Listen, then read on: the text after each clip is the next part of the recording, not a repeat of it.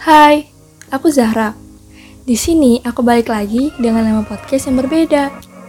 Namanya aku ganti pakai nama Zahra Ipotes, yang artinya podcast di mana masalah yang bakalan aku bahas ini masih bersifat praduga.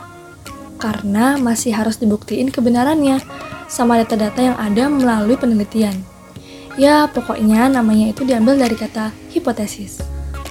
Jadi, sekarang yang mau aku bahas itu soal personality beberapa hari atau bahkan minggu kemarin, aku udah ngumpulin permasalahan dari personality ini.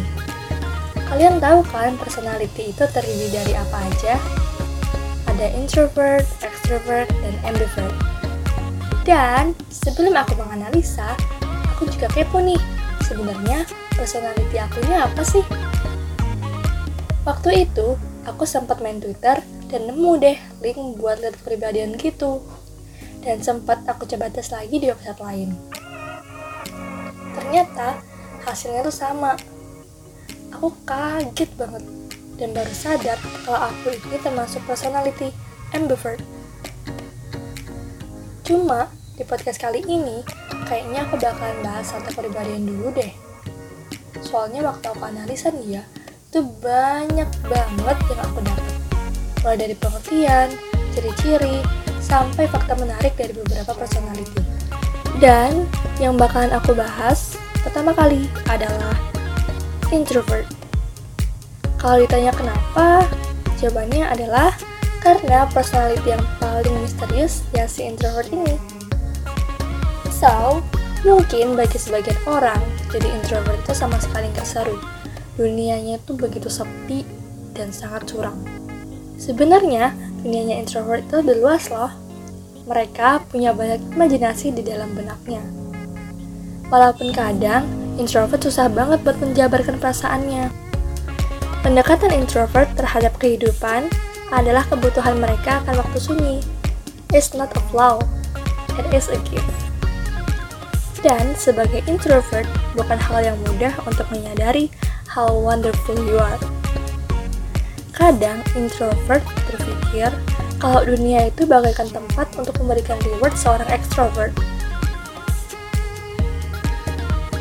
Banyak yang bilang introvert ini gak banyak omong, gak suka berinteraksi sama yang lain lah, bilang introvert pemalu, antisosial, tapi itu hanya misconception atau hanya kesalahpahaman. Introvert sebenarnya kayak yang lain, bisa menemukan socializing fun. Tapi, kalau orang ekstrovert ninggalin energinya, introvert harus nge-recharge energinya lagi dan menjauh dari semua orang. Kalau kata introvert nih ya, menyendiri dengan pikiran sama menyegarkannya dengan tidur dan sama bergizinya dengan makan. Ya, you know what I mean? Hmm. Introvert juga cenderung memikirkan semuanya sebelum berbicara dan membuat keputusan. Tentang perubahan sesuatu yang tiba-tiba, biasanya bakalan bikin introvert kesel. Maksudnya gimana? Ya dari contoh gampangnya lah ya, kalian buat janji jauh-jauh hari sama introvert. Terus kalian batalin pas mau hari H, kayak satu hari sebelumnya atau pas hari H-nya. Bah, dia bakal kesel banget pasti. Kalau bisa, kalian harus nge-reschedule sebelum hari H, minimal 2 atau 3 harian lah. Pokoknya, introvert ini orangnya udah kerata banget. Kalau ini ya ini, kalau itu ya itu. Mereka lebih suka punya kelompok kecil yang berisi teman dekat, dan mereka sangat menghargai menghabiskan waktu satu lawan satu bersama teman dekatnya. Tapi, introvert bakalan kehilangan energi karena berada di sekitar orang banyak untuk waktu yang lama. Introvert pastinya butuh waktu untuk sendirian setelah menghabiskan waktu di keramaian.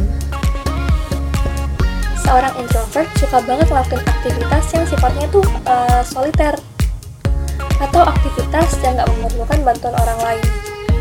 Contoh kegiatannya itu menulis, membaca, menonton film, bermain komputer, dan banyak lagi. Mereka lebih suka nikmatin waktu yang dihabiskan sendirian. Karena menurut seorang introvert, sendirian itu menyenangkan. Salah banget nih kalau kita ngira introvert itu pemalu. Introvert lebih senang buat ngelakuin kegiatan sosial mereka sendiri, tapi mereka nggak segan buat ngelakuin interaksi sosial dengan orang lain. Walaupun nggak bisa dipungkirin, kalau kebanyakan dari introvert itu pemalu. Aku juga pemalu sih. Hmm. Fakta menemukan, seseorang dengan tipe introvert lebih banyak melakukan self-talking dibandingkan dengan tipe sebaliknya, yaitu extrovert. Mereka lebih suka menyimpan gagasan memori dalam benak mereka sendiri. Jadi, kegiatan kayak meneliti, menulis, dan membaca bisa menarik perhatian orang dengan sifat introvert. Dan, kalau kalian punya sifat dan kepribadian introvert, jangan malu dan gak perlu nutup-nutupin. Coba nikmatin tipe kepribadian kita dan kembang ke arah yang positif. Dari yang aku lihat di berbagai sumber, pekerjaan yang cocok buat kamu yang introvert itu lumayan banyak. Bisa akuntan, penulis, editor, web programmer, konselor atau terapis, fotografer, dan banyak lagi. Oke, okay, ini adalah akhir dari pembahasan introvert. Kalau masih bingung atau ada yang kurang, mungkin aku bakal bikin part keduanya ya. Makasih banyak buat kalian yang udah dengerin podcast aku. Semoga podcast ini bermanfaat buat kalian, terutama kalian yang introvert atau kalian lagi suka sebuah orang dan kepribadian introvert. Bisa nih kalian pahamin pembahasan aku ini. Satu lagi, jadi introvert is not a nightmare. Jangan pernah merasa insecure sama orang-orang yang gak suka sama kepribadian kamu. Just enjoy your life because you only live once. YOLO!